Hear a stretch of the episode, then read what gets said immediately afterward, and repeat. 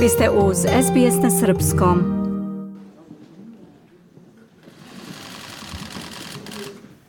U prepunoj sali za konferencije u centru Londona Stella Assange se uz zvuke brojnih fotoaparata suočila sa svetskim medijima uoči poslednjeg saslušanja njenog supruga pred Višim sudom u Londonu, povodom Assangeove žalbe na presudu o izručenju.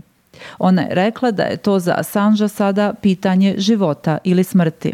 Julian will be put in a hole Ako bude isporučen, strpaće ga u neku rupu, u to nema sumnje.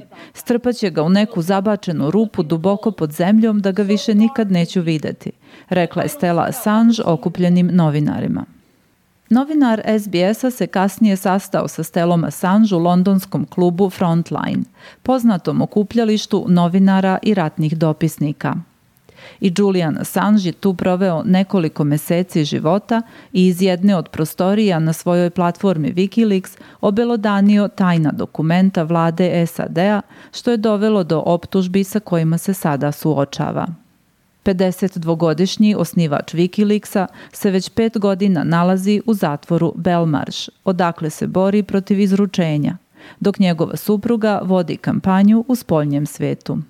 I'm okay, you know, I'm, I, I know what I want. Stella Assange je rekla da je dobro i da zna šta želi. Želi da vidi Juliana na slobodi, zbog sebe i zbog njihove dece, ali dodaje da to nije ništa u poređenju sa onim kroz šta prolazi Assange dok njegove pristalice tvrde da ga kažnjavaju zbog razotkrivanja američkih zločina, američki tužioci tvrde da je Assange ugrozio živote njihovih izvora. Ako bude osuđen, preti mu maksimalna zatvorska kazna od 175 godina, iako bi verovatno odležao znatno manje – Assange, koji je australijski državljanin, sada želi da ga Viši sud u Londonu sasluša i dozvoli mu da uloži žalbu na presudu o izručenju. Ako sudije nakon saslušanja odbace mogućnost žalbe, time će biti iscrpljene sve pravne mogućnosti u Britaniji. I don't have hope that this will Ne nadam se pozitivnom ishodu za nas, ali čak i da je ishod pozitivan, što znači da mu dozvole da uloži žalbu i da se njegovi argumenti saslušaju u potpunosti, to bi značilo da Julian i dalje ostaje u zatvoru, objasnila je Stella Assange.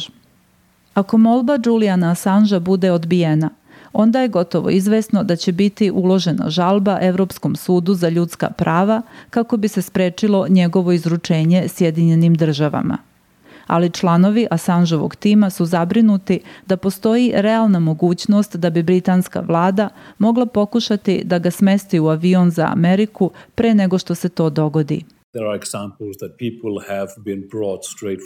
Kristin uh, Hrafnson kaže da se dešavalo da ljude pravo iz sudnice uh, odvedu na aerodrom, pa se zato uh, pripremaju za najgori scenario.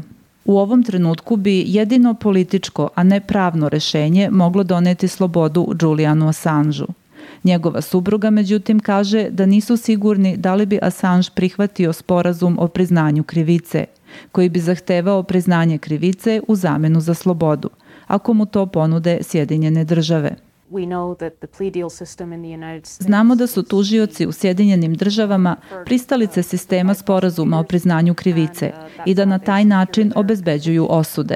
Naravno, Julian nije ništa skrivio i ne radi se samo o njemu. Zamislite da dođe do takvog sporazuma. Zamislite implikacije koje bi to imalo za sve druge novinare. Istakla je Stella Assange koja je uverena da i javnost i političari žele da se slučaj njenog supruga reši pri čemu ističe predlog koji je uspešno usvojio australijski parlament i koji poziva da se Assange vrati u domovinu. Of course, politicians Političari su naravno reagovali na pritisak javnosti, ali to je razlog za optimizam, jer postoje zemlje u kojima pritisak javnosti ne igra nikakvu ulogu, rekla je ona. Dvodnevno saslušanje Juliana Assangea počinje danas, 20. februara, ali na odluku bi se moglo čekati i nekoliko meseci. Želite da čujete još priča poput ove? Slušajte nas na Apple Podcast, Google Podcast, Spotify ili odakle god slušate podcast.